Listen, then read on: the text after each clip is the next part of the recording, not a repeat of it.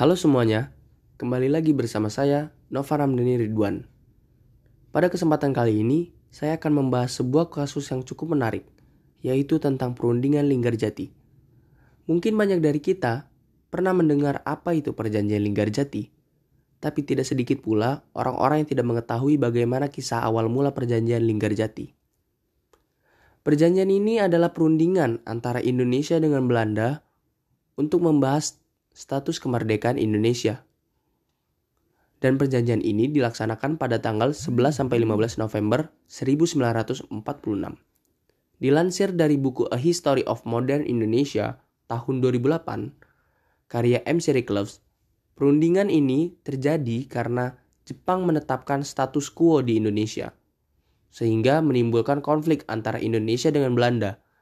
Salah satu contoh konfliknya ialah peristiwa 10 November di Surabaya. Pemerintah Inggris sendiri menjadi penanggung jawab atau penengah antara kedua negara tersebut. Mereka mengadakan perundingan di Hoek Valley. Namun perundingan tersebut gagal karena Belanda tidak menyetujui kesepakatannya. Lalu pada tanggal 7 Oktober 1946 di Konsulat Jenderal Inggris di Jakarta dibuka kembali perundingan antara Indonesia dengan Belanda. Dalam perundingan tersebut, akhirnya menghasilkan sebuah persetujuan tentang gencatan senjata pada 14 Oktober. Kemudian dilanjutkan dengan Perjanjian Linggarjati yang terjadi pada tanggal 11 November 1946 yang dipimpin oleh wakil Inggris bernama Lord Killer. Untuk pihak Indonesia sendiri diwakili oleh Perdana Menteri Sultan Syahrir sebagai ketuanya. Sementara untuk dele delegasi Belanda diketahui oleh diketuai oleh Dr. Van Moog. Persetujuan ini ditandatangani pada tanggal 25 Maret 1947 di Istana Rijswijk yang sekarang dikenal sebagai Istana Merdeka Jakarta.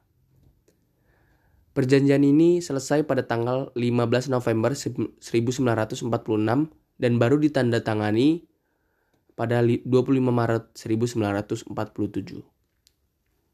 Adapun beberapa isi perjanjian Linggarjati ini ialah satu, Belanda mengakui secara de facto wilayah Republik Indonesia meliputi Jawa, Sumatera, dan Madura. Yang kedua, Belanda harus meninggalkan wilayah Republik Indonesia selambat-lambatnya pada tanggal 1 Januari 1949. Yang ketiga, Belanda dan Indonesia sepakat untuk membentuk negara Republik Indonesia Serikat atau disingkat RIS. Dan yang terakhir, RIS harus bergabung dengan negara-negara persemakmuran di bawah kerajaan Belanda. Adanya perjanjian ini tentu memberikan dampak positif dan dampak negatif bagi Indonesia. Dampak-dampak positif bagi Indonesia yang Indonesia rasakan ialah Indonesia semakin diakui oleh negara-negara tetangga ataupun negara-negara yang jauh dari negara Indonesia.